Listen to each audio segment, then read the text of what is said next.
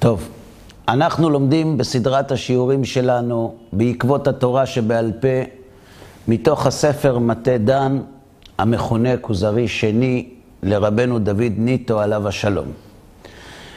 בשיעור הקודם עסקנו בסוגיה מעניינת, שבה החבר והכוזרי דנים מדוע גם לפי שיטת המכחישים את התורה שבעל פה, או את קבלת החכמים, או את המסורת, מדוע גם לפי שיטתם הם מחויבים לשמוע לדברי חכמים.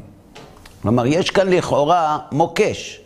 מצד אחד עומדים המכחישים ואומרים, קבלת חז"ל איננה קבלה אמיתית. ולכן אנחנו לא מחויבים לשמוע לדבריהם. מצד שני, אומר החבר, אפילו לשיטתם הם מחויבים לשמוע לדברי חכמים. מדוע? כיוון שיש לנו כלל שכאשר יש ספק האם כך נוהגים או לא, או האם קיימתי את ההלכה או לא, או יש לי אי ידיעה באשר למתי יום הכיפורים וכולי, צריך להחמיר. כי ספק דאורייתא לחומרה. ובשיעור הקודם הוא הסביר למה גם אם אנחנו אומרים שספק דאורייתא לחומרה הוא דרבנן, כלומר שחכמים קבעו שספק דאורייתא לחומרה, ולכן גם הפסק הזה לא מחייב אותם, גם בזה עסקנו בשיעור הקודם, והגענו למקום שבו הכוזרי טוען טענה והחבר משיב, והבטחנו להסביר את הדברים בשיעור הבא, שזה היום.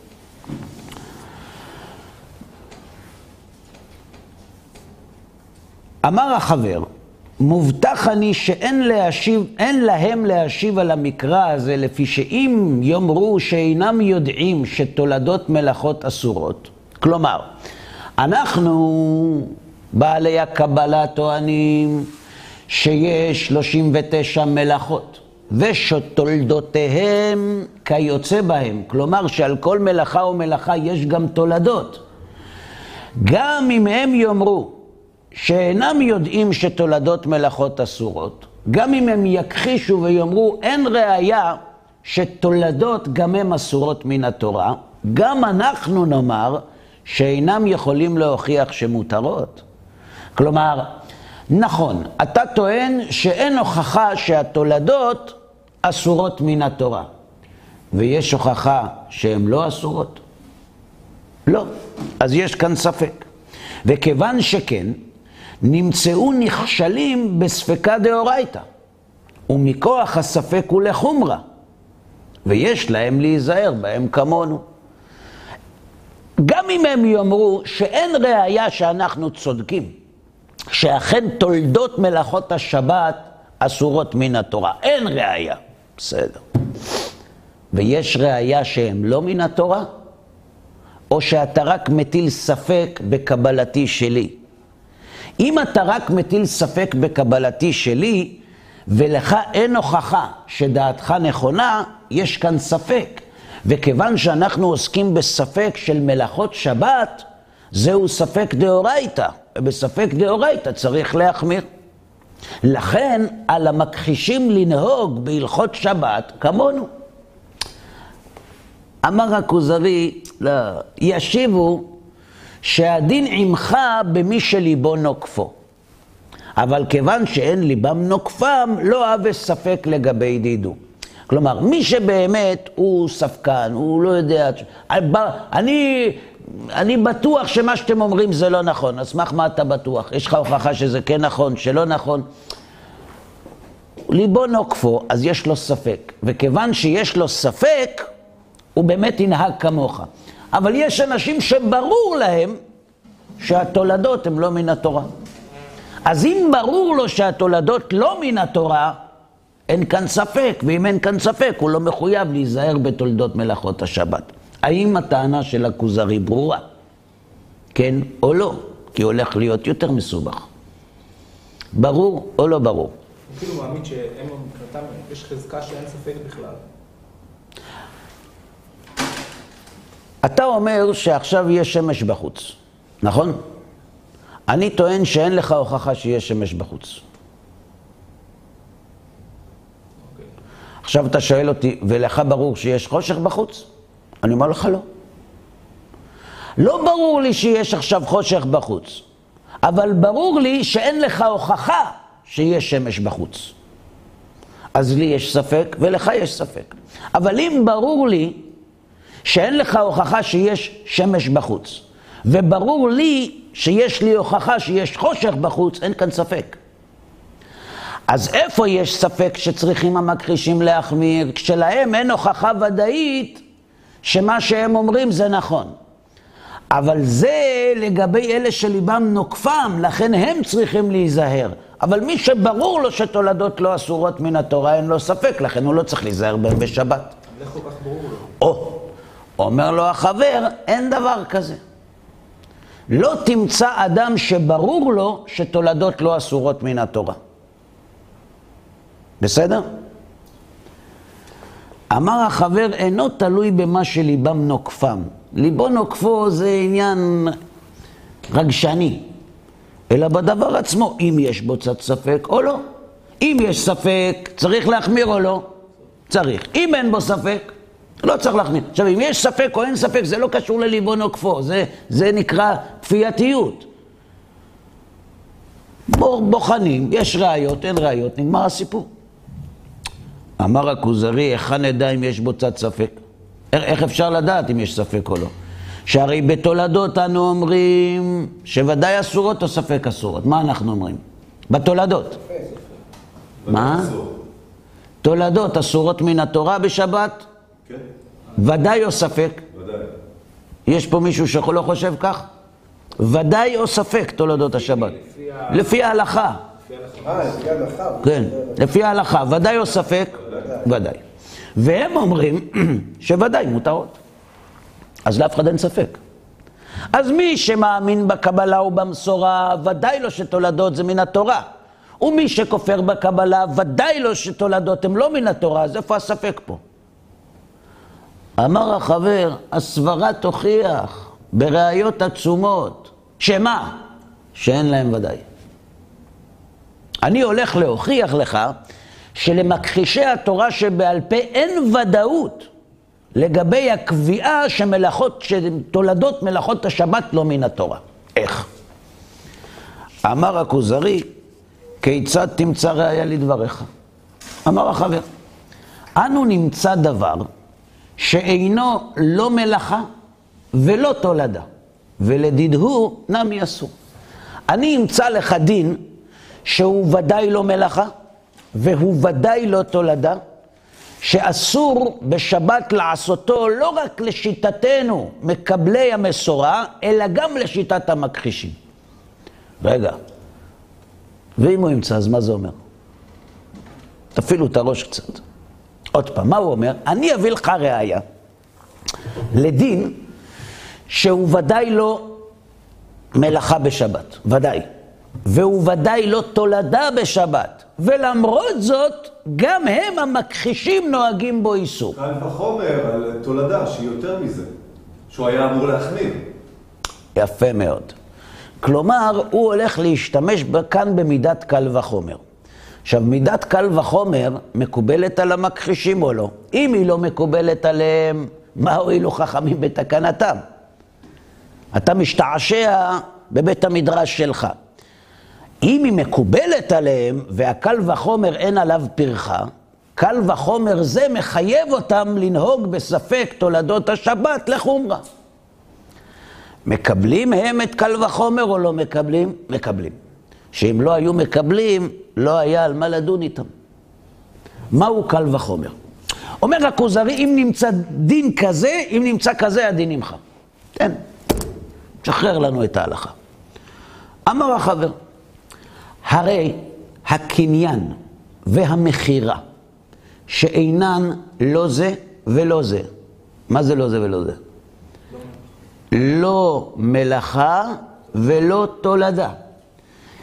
קניינים בשבת, מקח וממכר בשבת, הם לא אסורים מצד מלאכה ולא אסורים מצד תולדה. אין מלאכת קונה ואין מלאכת מוכר. אין דבר כזה. וזה גם לא תולדה של שום מלאכה. מוסכם? ואף על פי כן הם נוהגים בהם איסור כמונו. למה המכחישים לא קונים ומוכרים בשבת? זה מלאכה, כי זה עבודה. איך זה- זה לא מלאכה. גם המכחישים מסכימים שקניין ומכירה זה לא חלק ממלאכות שבת. לא מלאכות שבת, עבודה פרנסה שלי, אז אם אני... זה לא אסור, איפה זה כתוב? איפה זה כתוב? תשבות ממלאכה כתוב. לא תעשה כל מלאכה. אם זה לא מלאכה, אין דין שביתה חל עליו. שהשביתה היא ממלאכה, לא, למשל, כתוב תשבות, אל תנשום.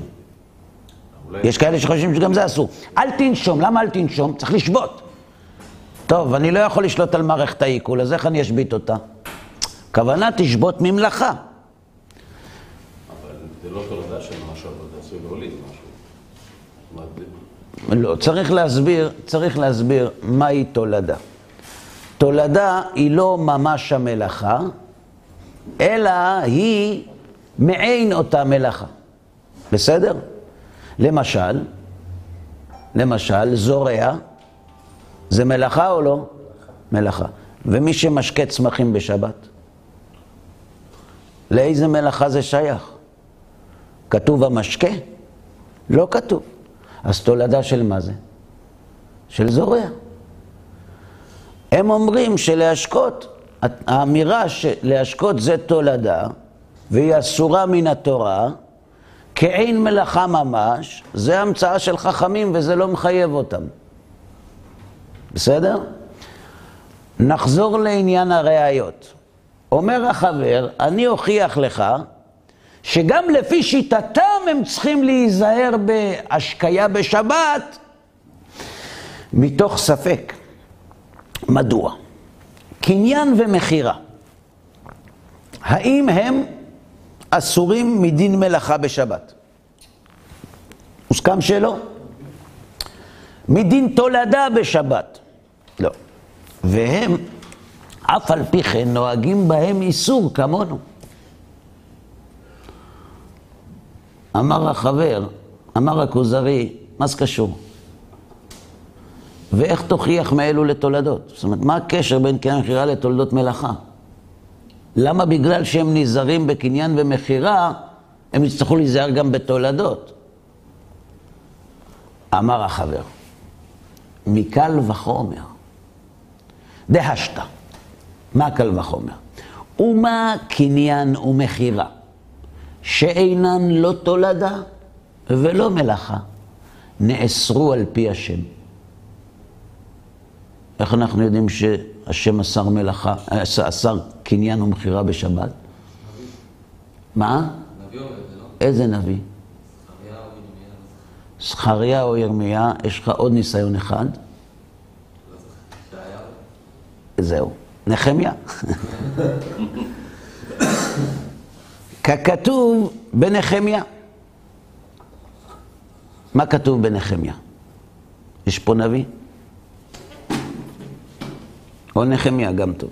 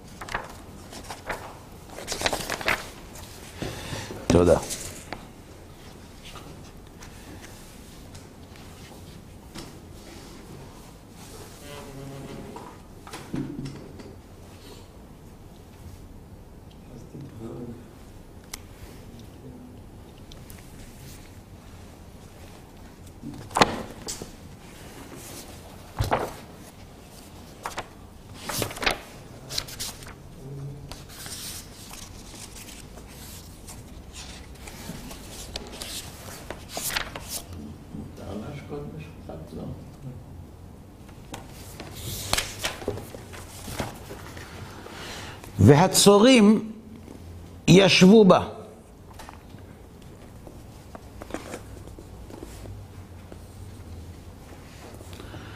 מביאים דג וכל מכר. הצורים, אנשי צור שישבו בירושלים, מביאים דג וכל מכר ומוכרים בשבת לבני יהודה ובירושלים.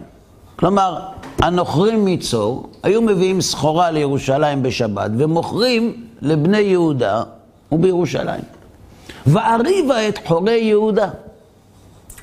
ואומרה להם, מה הדבר הרע הזה אשר אתם עושים ומחללים את יום השבת?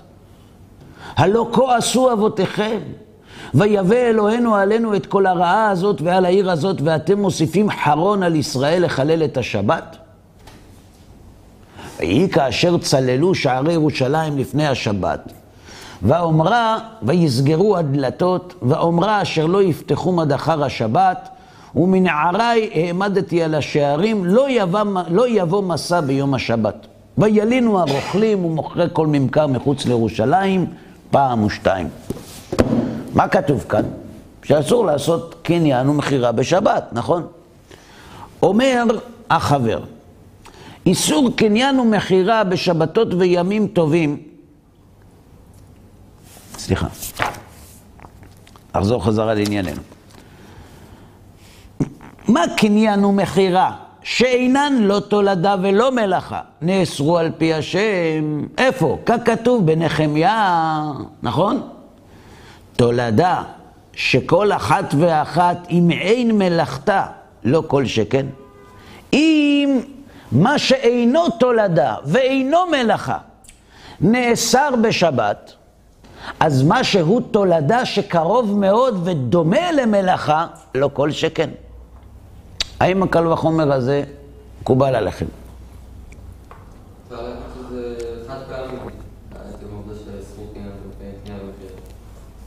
חד פעמי, מה זאת אומרת? אה, הוראת שעה, לא הוראת שעה, הנביא אמר את זה במיוחד, אה, זה משהו ש... זה משהו מסוים שאסרו ולא... למה אסרו את זה? אה, לא זוכר. בואו נפתח בנחמיה ונראה מה הוא כותב.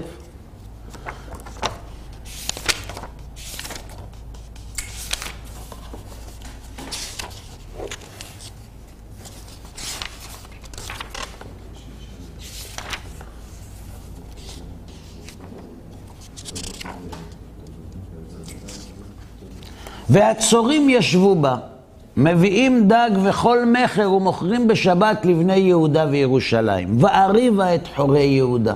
למה הוא כעס עליהם?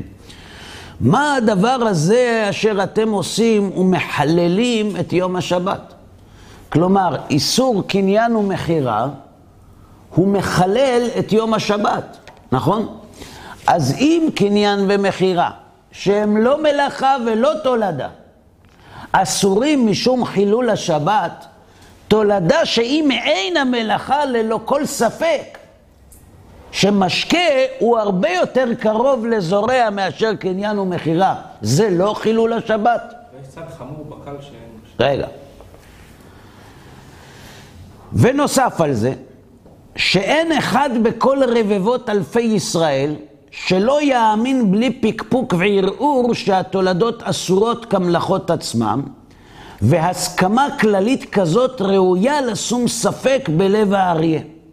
אלא שהם הולכים אחר שרירות ליבם ואינם רוצים להעמיק הדברים לדע אמת על בוריה. מה הוא אומר כאן? הוא אומר דבר כזה.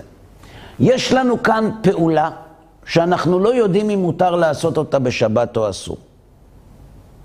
האם היא בכלל חילול שבת או לא? למשל, השקיית השדה. אנחנו יודעים על זורע, לא יודעים על השקיית השדה. אז כיוון שהשקיית השדה היא לא זורע, ממש, גם אם היא דומה, ודאי שזה לא מלאכה וודאי שהתולדה לא אסורה מן התורה. כך הם טוענים. ואנחנו מביאים ראייה שמעידה על רוח הדברים. דהיינו, הקדוש ברוך הוא אומר לנחמיה לריב עם חורי יהודה, כיוון שהם עוסקים במקח וממכר בשבת.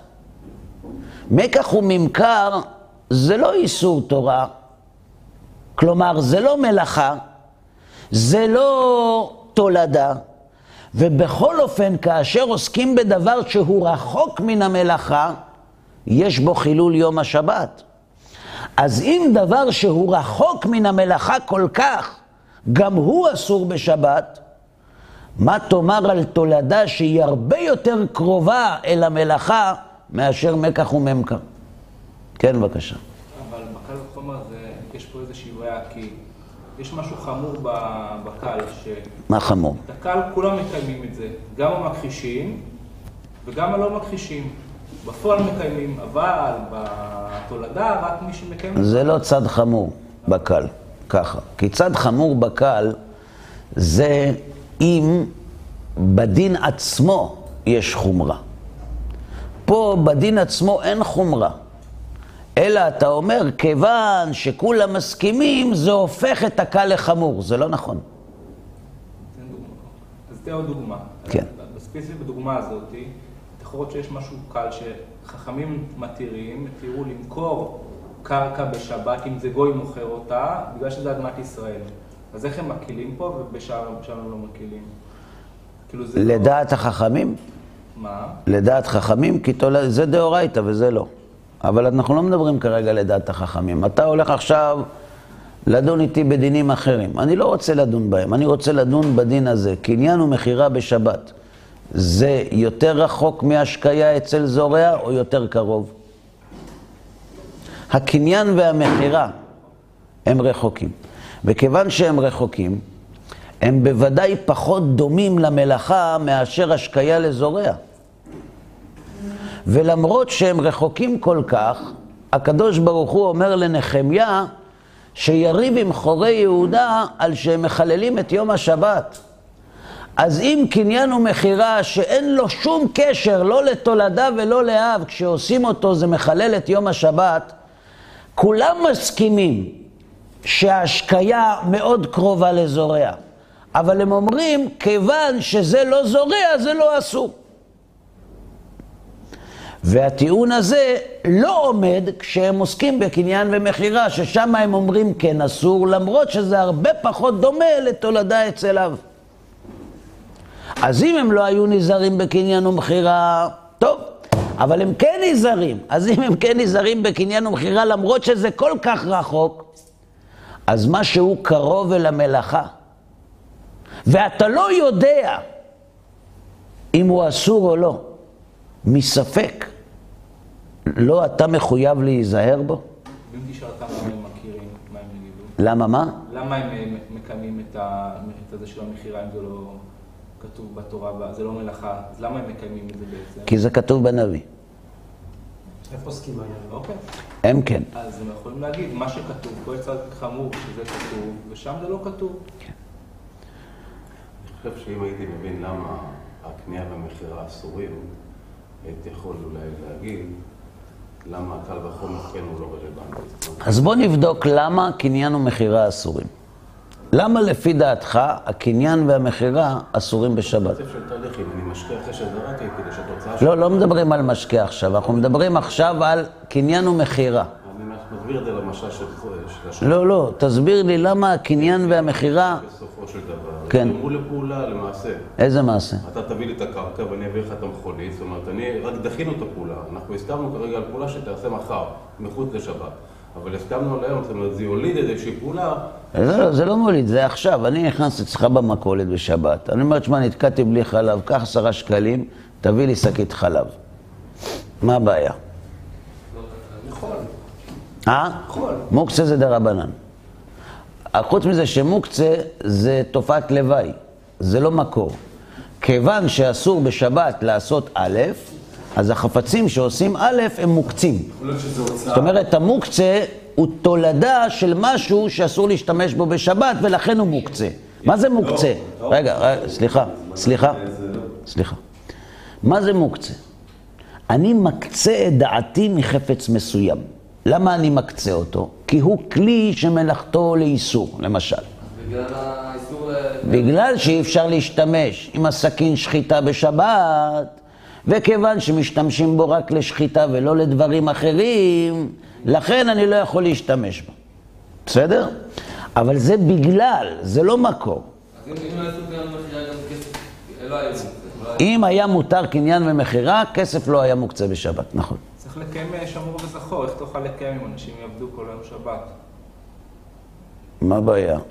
כתוב שיש שש זכירות שצריך לזכור כל יום, נכון? אם אתה הולך לעבודה, אם אתה דתי, אתה לא עובד בין כוחו, אז אין לך בעיה, אבל אם אתה, אם אתה עובד, אז איך אתה יכול לקיים את הזכירה? אתה עובד. ואדרא כושיא לדוכתא. יש לי שאלה, מכירת ספרי תורה בבית כנסת בשבת, זה לא קנייה משא ומתן? זו שאלה יפה, אבל זה לא קשור לנושא שלנו.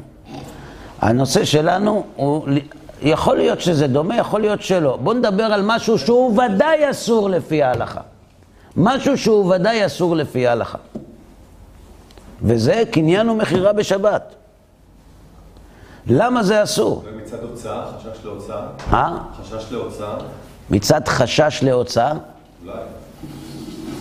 המכחישים לא מסכימים שאסור להוציא בשבת. זה דאורייתא. לא מקבלים את זה. אמרנו שלתולדה יש להם בעיה, גם עם המקור, עם. זה. לגבי מלאכת הוצאה, ב- ספציפית כן, יש, עם זה, יש להם עם זה בעיה. אז נראה.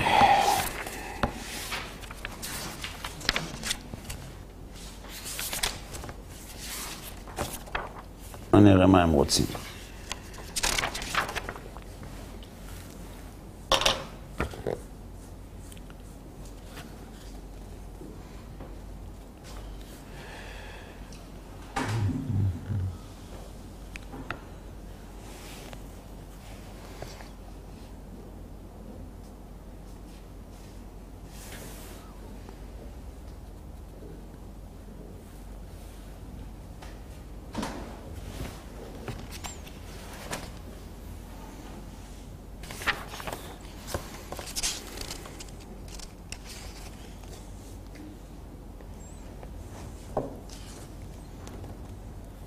אומר הרלב"ג, והנה הריב, הריב נחמיה עם השרים בעבור שהיו מחללים את יום השבת, באלו השלושה דברים. האחד הוא מדברי סופרים, והוא הקנייה והמכירה בשבת. והשניים הם מן התורה. האחד הוא שלא שבתה בהמתם בשבת, והשני הוא עשותם מלאכה בשבת לדרוך את הגיטות. זה כתוב קודם. לפני כן כתוב, בימים ההם ראיתי ביהודה דורכים גיטות בשבת. ומביאים הערמות ועומסים על החמורים. ואף יין, ענבים ותאנים וכל מסע ומביאים מירושלים ביום השבת, והעיד ביום מחרם ציד. והצורים ישבו בה. כלומר, יש כאן שלושה דברים. א', דורכים גיטות בשבת. ב', נושאים מסע על החמורים. ג', עושים מקח וממכר. מקח וממכר בשבת זה מדברי סופרים. אבל הציווי על שביתת בהמתו ועל דריכת גיטות בשבת הוא איסור דאורייתא, זה מלאכה. נכון? אז אנחנו רואים שמדברי סופרים נאסר מקח וממכר בשבת. מדוע? כי אם האדם יהיה מותר במקח וממכר בשבת, אזי יהיה שבתו חול. דהיינו, לא יוכר כבוד השבת משאר ימות השבוע. בסדר? על זה שואל החבר את הכוזרי, אם כל כך החמירו בכבוד השבת, שאפילו דברים שהם לא מלאכה ולא תולדה, מצד כבוד השבת אסורים בעשייה, אז תולדות המלאכות שהן כמעט אותה מלאכה, הן יהיו מותרות בשבת. כלומר, הקל וחומר הוא לא רק מאיסור הקניין והמכירה, הוא מרוח האיסור.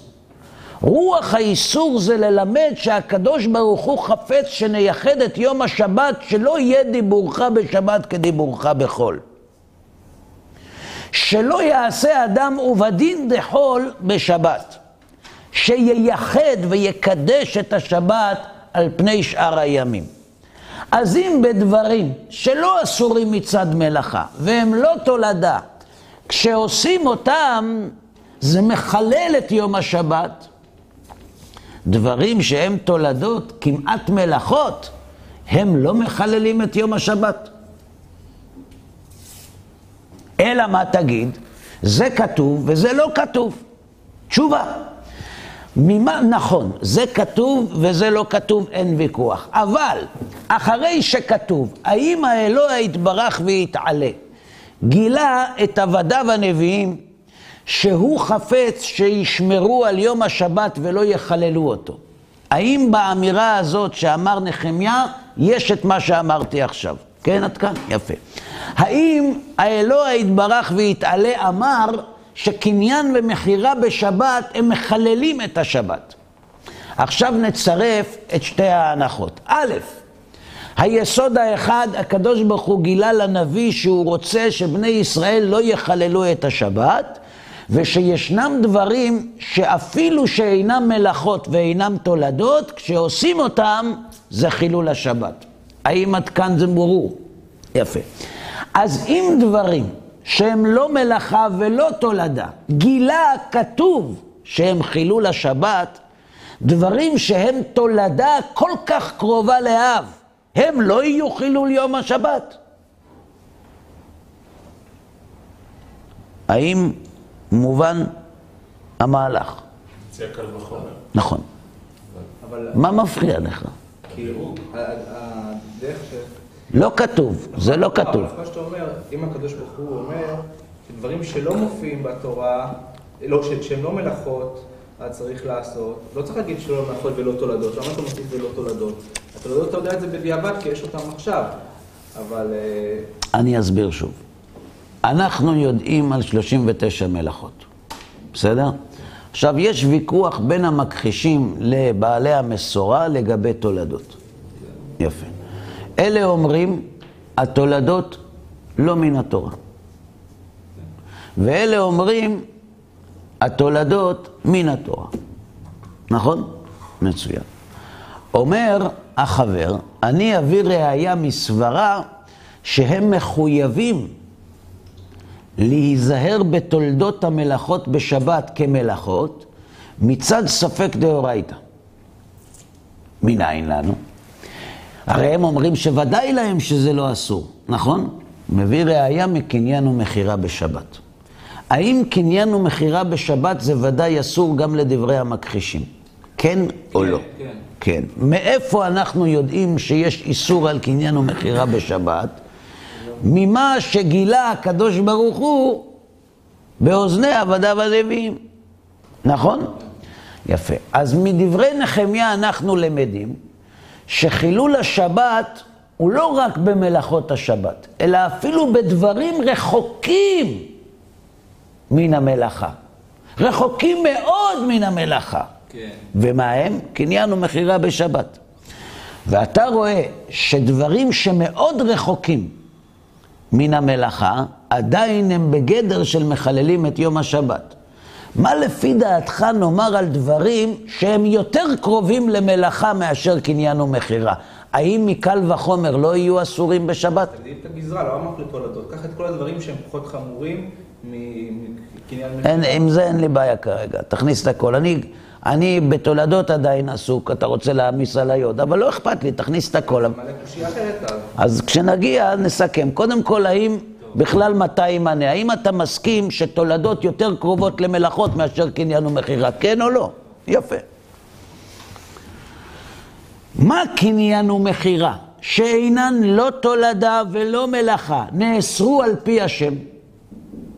ככתוב בנחמיה, תולדה, שכל אחת ואחת היא מעין מלאכתה, לא כל שכן שנאסרו על פי השם.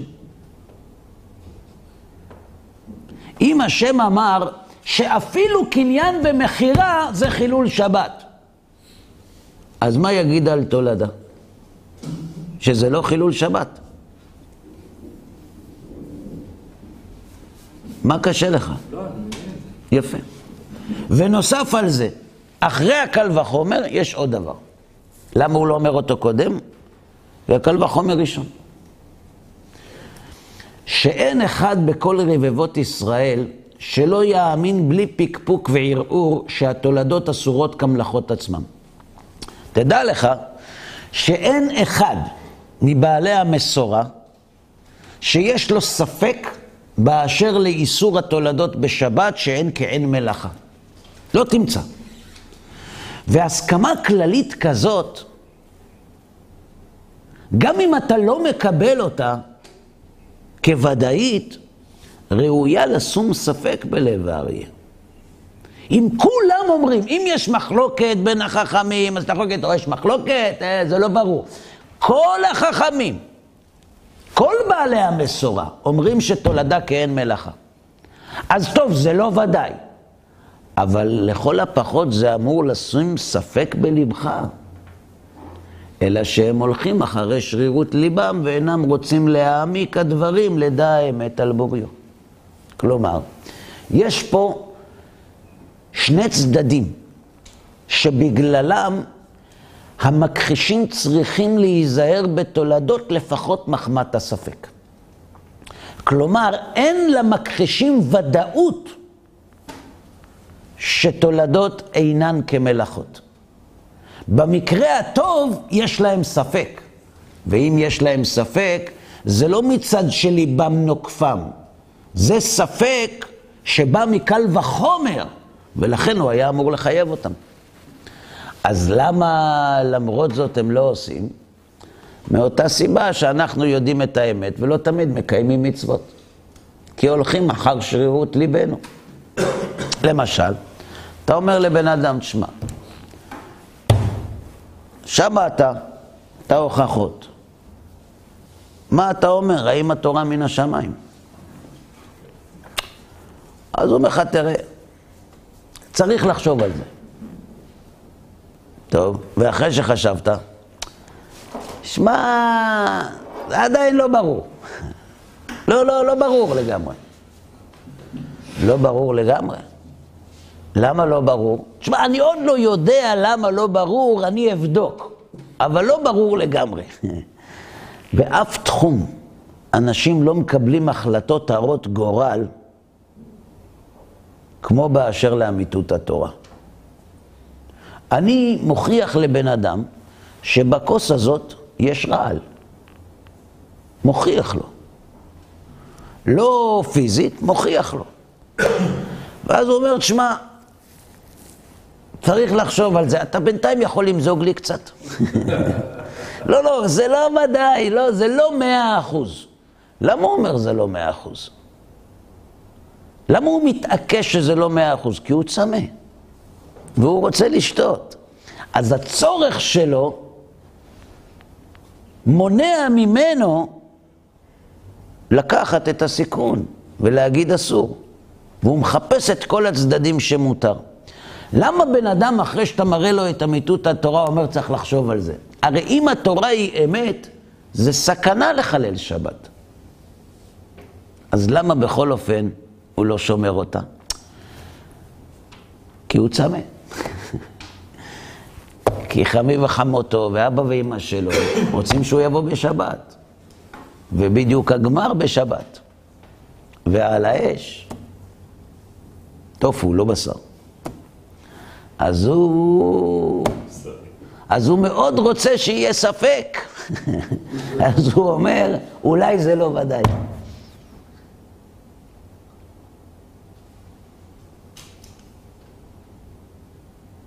היה יהודי אחד יקר, שעד היום הוא חי, כן, אבל היה איתי פעם בפולין, מסע לפולין, לפני הרבה שנים.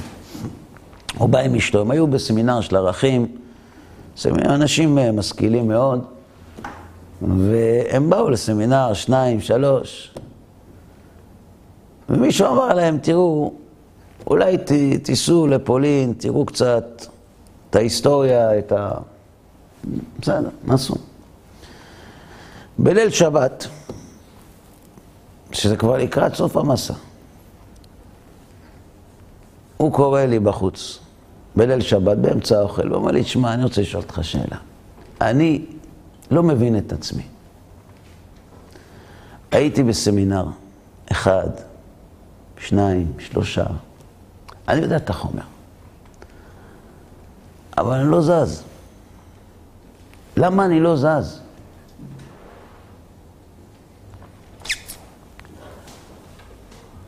אמרתי לו את מה שאמרתי לכם עכשיו, אבל ישירות, לא בשיעור.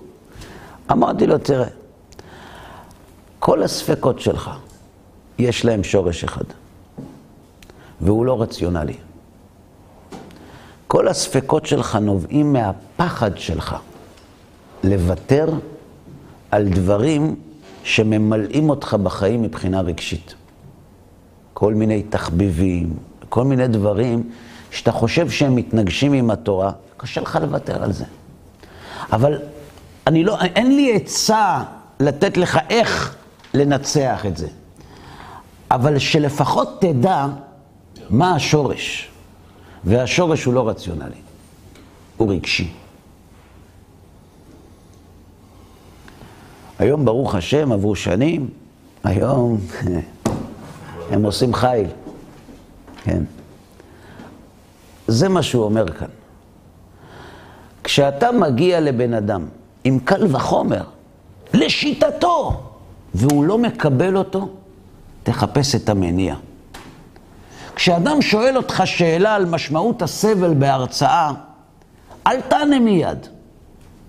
תחשוב, למה הוא בחר לשאול את השאלה הזאת? כי מכל האנשים שיושבים כאן, דווקא הוא בחר לשאול. למה לא כולם שואלים? כי אין להם שאלות. לא, יש להם. אז למה לא שואלים? מתביישים. מי מתגבר על הבושה? מי שאין לו מה לאכול. אז אם אדם שואל שאלה בהרצאה, הוא בגדר של פושט יד. הוא יתגבר על הבושה כי יכול להיות שהמרצה יגיד לו שהשאלה לא טובה והוא יתבייש. אבל הוא כל כך רעב שהוא מוכרח לקחת את הסיכון. אז עצם זה שאדם שואל שאלה בהרצאה, זה אומר שהוא מבקש משהו על הכרחיות. הוא לא מבקש מותרות. עכשיו, מה הוא שואל? הוא שואל על משמעות הסבל. או הוא שואל, איפה כתוב בתורה שאסור לנסוע ברכב בשבת? מה אכפת לו איפה זה כתוב בתורה? למה הוא לא שאל איפה כתוב בתורה שאסור לטוס בחללית בשבת? כי אין לו חללית. אז למה הוא שואל? כי יש לו רכב. טוב, אבל גם לי יש רכב, למה דווקא הוא שואל? כי הוא צריך לנסוע בשבת. ולמה הוא צריך לנסוע בשבת? הוא צריך לנסוע למקום חשוב שאם הוא לא ייסע, הוא יצטרך להתמודד עם כל מיני קשיים. עכשיו, הקשיים יכולים להיות חמותו, שזה גם קשה באמצע השבוע. זה יכול להיות אשתו, זה יכול להיות הוא עצמו. זה יכול להיות כל מיני דברים. כשאדם שואל על משמעות הסבל, הוא שואל על מקרה מסוים. הוא לא שואל ברמה הפילוסופית. כשאדם נמנע מלקבל הכרעה שכלית, יש סיבה. אם ההכרעה השכלית היא ודאית ולמרות זאת הוא לא מקבל אותה, יש סיבה שהיא לא שכלית, אלא רגשית, היא לא פחות חשובה אגב. את רוב ההחלטות בחיים אנחנו לא מקבלים על פי השכל, אלא על פי הלב. זה מה שכותב החבר. אלא שהם הולכים אחרי שרירות ליבם, וכשרוצים ללכת אחרי שרירות הלב, לא רוצים להעמיק לדע האמת על בוריה. כן, בבקשה. ההכרעה השכלית הרבה פעמים היא מתבססת, אנחנו אומרים, על פי מציאות שאנחנו רואים. תן דוגמה. דוגמה. כן. אה, אדם הולך לקנות רכב. לא, אני, אני מסתכל אחר, דוגמה מהתורה, יהושע בן נון. לא, לא, עזוב אותי מהתורה, בוא נדבר מהחיים. אה? אתה רוצה דוגמה שאני מהנדס. טוב, תן, תן מהתורה, גם טוב תורה, כן. מדובר, בא וכבש את הארץ, כן, נכון? כן. עכשיו, לפי העדויות, העדויות המוחשיות שנראות שהן שכליות, זה לא קרה. קרה במקומות בודדים. אני חוזר על דבריך. רגע. רגע, רגע. אני חוזר על דבריך. אתה אומר, אתה אומר, בוא ניקח דוגמה מהתורה, שיש סתירה בין מה למה? בין החושים, לא, בין השכלי, אמרת שכלי זה... בין השכלי לרגשי. כן. ואז צריך ללכת אחרי השכלי או הרגשי לדעתך? השכלי. ואתה מביא דוגמה מכיבוש יריחו על ידי יהושע. ואתה אומר, כיוון שאין ראיות. כי אין חומות, אז זה אומר שמבחינה שכלית זה לא קרה. נכון? למשל, אני אומר לך שראובן היה פה בשיעור אתמול. הוא היה פה אתמול בשיעור, אבל עכשיו הוא לא פה. אז מבחינה שכלית זה אומר שהוא לא היה? לא. כשאתה אומר שאין ראייה, זה אומר שזה לא קרה? יש ראייה סותרת, סותרת? מה סותר ביריחו? שבחפירות לא. חומות. זה לא ראייה סותרת. חז"ל מלמדים אותנו, לא ראינו אינה ראייה. כשבן אדם אומר, אני לא שמעתי אף פעם את הדין הזה, זה שלא שמעת זה לא ראייה. שמעת הפוך, בוא נדבר. אבל אני דוחה אותך לכאורה בקש, כי אתה יוצא מנקודת הנחה שאם זה קרה, חייב להישאר זכר. וכיוון שחייב להישאר זכר ולא נשאר, זו הוכחה שזה לא קרה. אולי לזה אתה מתכוון. אה? זה השכלי. אני מדבר איתך רק מבחינה שכלית. אם לא מחויב להישאר זכר לכיבוש יריחו, זה שלא מצינו זכר לא אומר שזה לא קרה. אם חייב להישאר זכר ולא מצינו, אז זה אומר שזה לא קרה, אלא אם כן תסביר למה למרות שחייב להישאר זכר לא נשאר. עכשיו, אשיב לך את התשובה האמיתית. יש מחלוקת גדולה בין הארכיאולוגים בארץ ישראל. למעשה יש שתי אסכולות, שכל אחד מכחישה את השנייה ואי אפשר להטיל שלום ביניהם. האחת אומרת שאין שום ממצא ארכיאולוגי שמאמת את ההיסטוריה היהודית בארץ ישראל, והשנייה אומרת שיש מאות מוצגים ארכיאולוגיים שמאמתים את ההיסטוריה היהודית בארץ ישראל, אני מדבר על, ה, על, על הארכיאולוגיה של המקרא.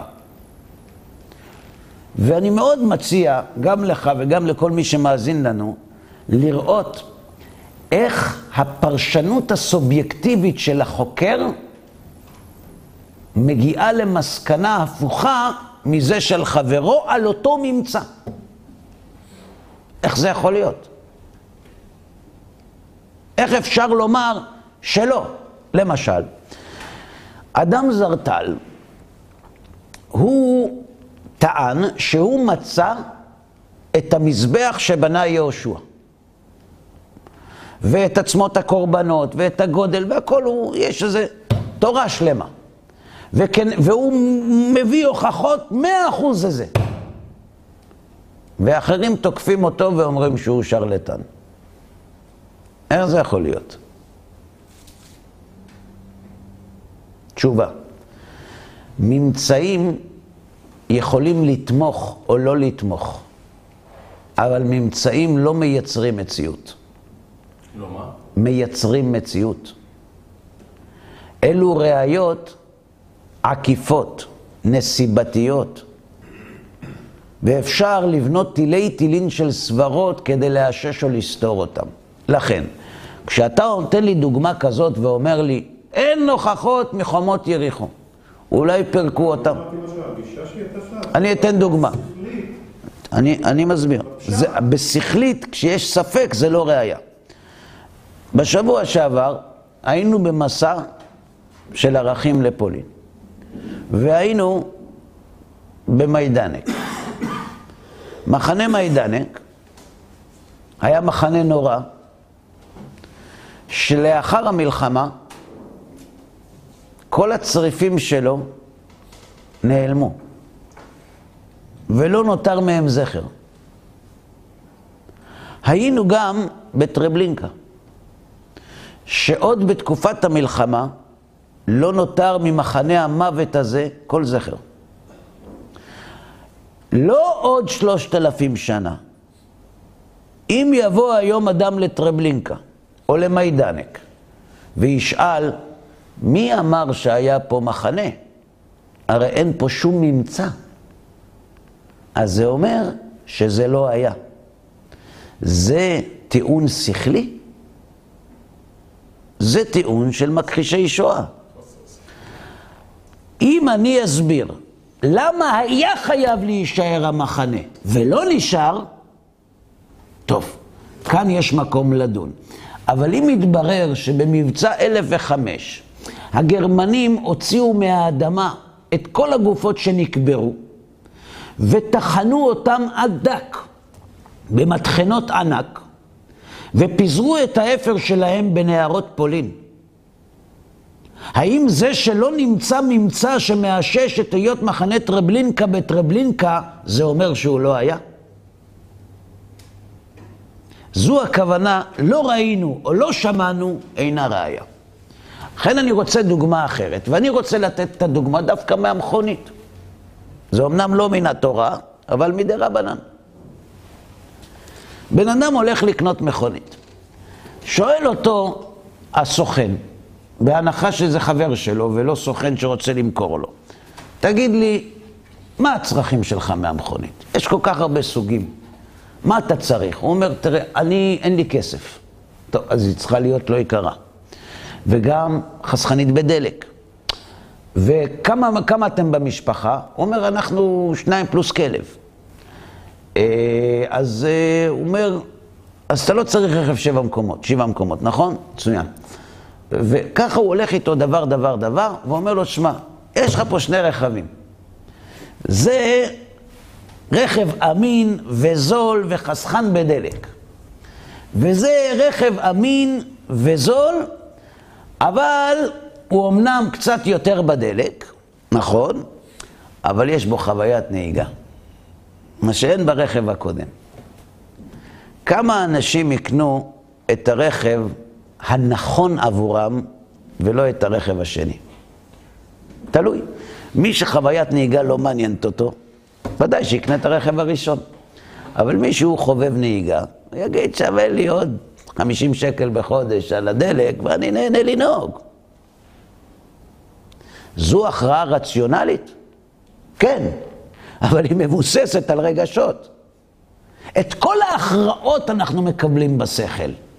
השאלה מה הגורם להכרעה, מה השקלול של הנתונים, ובהרבה מקרים אנחנו קונים ועושים דברים וגם מתחתנים, לא על בסיס רציונלי, אלא על בסיס רגשי. לכן הוא אומר שהמכחישים נזהרים בקניין ומכירה ולא בתולדות, למרות שהשכל מחייב אותם להיזהר בזה, לא כי אין להם שכל, כי הלב מכוסה בשריר שאוטם את האדם מלקבל הכרעה שכלית. אמר הכוזרי, ברוך אתה להשם אשר פיתחת מוסרי, מוסרי הסכלות מעל צווארי, והארת עיניי ועיני בני עמי באור אמת תורה שבעל פה.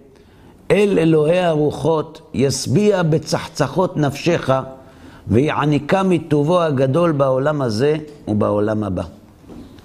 אמר החבר, ברוך השם אלוהי ישראל מן העולם ועד עולם, אשר זיכני לצרף וללבן אמיתת תורתו הקדושה והטהורה, ולהניח עצבון נפשך היקרה ונפש בני עמך הישרים והתמימים, הוא ברחמיו ייתן את אויביך הקמים עליך ניגפים לפניך, וידבר עמים תחתיך, ותינשא מלכותיך. מכאן הכוזרי כבר מבקש תוספות. כלומר, זו המנה העיקרית, אבל הוא אומר, אם יש לך עוד, אחרי הברכות ההדדיות, עכשיו בוא נשב, פינינו את השולחן, מה עוד יש לך להציע לי? ואת זה נעשה בעזרת השם בפעם הבאה. עד כאן להיום.